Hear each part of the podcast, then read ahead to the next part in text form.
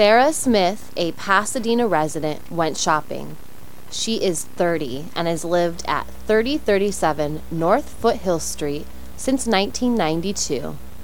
Sarah has been married to John for seven years. They have two children. Bob is five years old, and Nancy is three. Sarah owns a 1995 four door blue Toyota. At 9 a.m., Sarah got into her car and drove to Bargett, a department store a mile away. Bargett was having a holiday sale. Sarah bought a four slice toaster for $29.95 plus tax. The regular price was $39.95. She paid by check. On her way home, Sarah stopped at Milk Plus to buy a gallon of non fat milk. The milk was $3.50. Sarah got 50 cents back in change. Sarah arrived home at 10 a.m. John and the kids were still sleeping.